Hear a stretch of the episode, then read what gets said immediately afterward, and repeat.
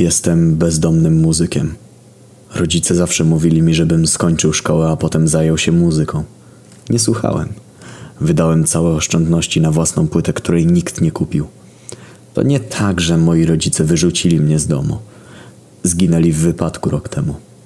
Od roku nie mam domu, zarabiam na jedzenie i alkohol, grając na gitarze.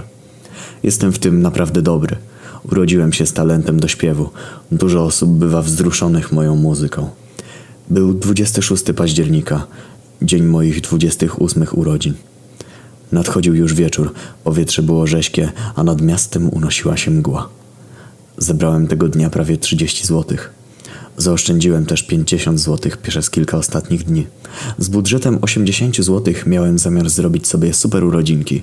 Kupiłem dwie drożdżówki i litr porządnej wódki. Usiadłem sobie na dworcu i cicho zaśpiewałem Sto lat, sto lat. Przyznam, łezka samotności zakręciła się w kącie oka. W oddali zobaczyłem młodą, śliczną dziewczynę siedzącą na dworcu. Jako, że byłem w lepszym niż zwykle humorze, to podszedłem chcąc zagadać. Hej, spokojnie. Nie chcę nic od ciebie. Mam dzisiaj urodziny i pomyślałem, czy może nie chciałabyś się ze mną napić? Na początku myślałem, że dziewczyna czeka na nocny pociąg, jednak po chwili zdałem sobie sprawę, że też jest bezdomna. Spojrzała na mnie przekrwionymi niebieskimi oczami. Jej wargi były całkiem blade. Nie miała na sobie żadnego płaszcza, a na rękach miała widoczne blizny po igłach. Brała. Okryłem ją własną kurtką i leżącym obok kocem. Złapała za butelkę wódki. Ja jednak nie pozwoliłem jej pić, jednoznacznie machając głową. Patrzyliśmy tak na siebie przez kilka minut. W końcu jej oczy wypełniły się łzami i przytuliła się do mnie. Jesteś głodna? spytałem. Przytaknęła, wycierając nos brudną chusteczką. Pobiegłem do sklepu i kupiłem gotową zupę. Poprosiłem też, żeby właścicielka sklepu pozwoliła mi ją zrobić na zapleczu. Przyniosłem dziewczynie miskę ciepłej zupy. Od razu rozpromieniała. Powiedziała, że to bardzo miło z mojej strony. Przedstawiła się jako Roza i odeszła tłumacząc się spotkaniem z klientem. Zacząłem przychodzić na ten przystanek każdego wieczora. Dobrze poznałem Rozę. Wylądowała na ulicy przez jej rodziców alkoholików, a teraz próbuje walczyć z uzależnieniem od narkotyków i dorabia jako prostytutka. Zawsze dawałem jej większość zarobionych pieniędzy. Było mi jej szkoda. Właściwie to staliśmy się parą, tylko bez całowania i seksu, bo to było zrozumiale dla Rozy odpychające. Spotkania z Rozą były dla mnie dużym natchnieniem i dawały mi chęć do życia. Pewnego popołudnia grałem kilka własnych kawałków na miejscowym rynku. Roza podbiegła do mnie zapłakana i powiedziała, że jest w ciąży. Nie mogłem w to uwierzyć. Oczywiście myślała o aborcji, ale nie miała na to pieniędzy, ja też nie. Musiałem zachowywać się odpowiedzialnie. Obiecałem pomóc jej wychować dziecko. Była bardzo szczęśliwa. Skończyła z prostytucją. W końcu przestała brać narkotyki.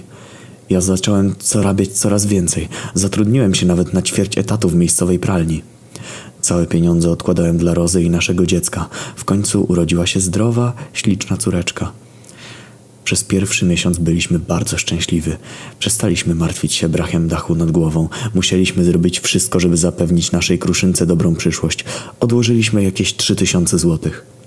Jednak gdy wieść o narodzinach małej Sylwii się rozniosła, o rozę upałniał się jej Alfons.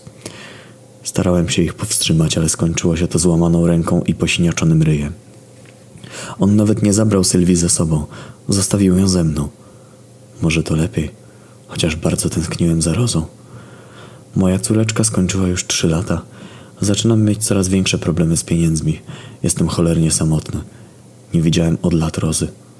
Wróciłem do picia. Pewnego dnia bawiłem się w chowanego z Sylwią. Mała schowała się za fontanną. Już biegłem, aby ją znaleźć, gdy nagle usłyszałem z jej ust radosny okrzyk Mama!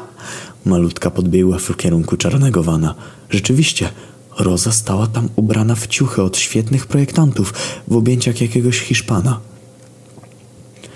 Pobiegłem radośnie w jej stronę.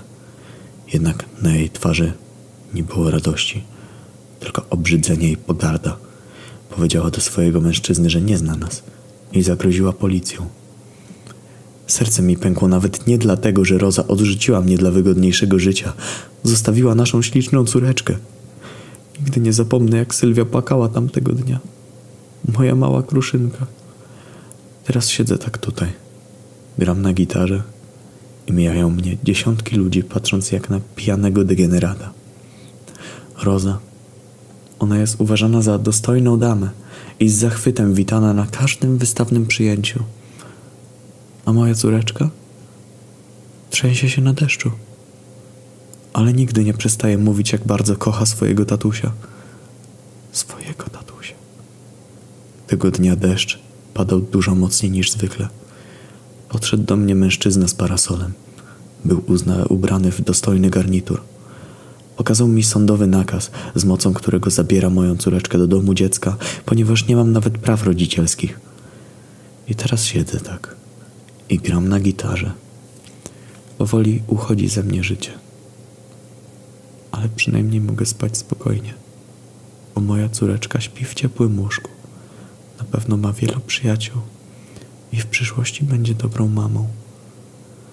A mnie mijają kolejni ludzie, patrząc jak na pijanego degenerata.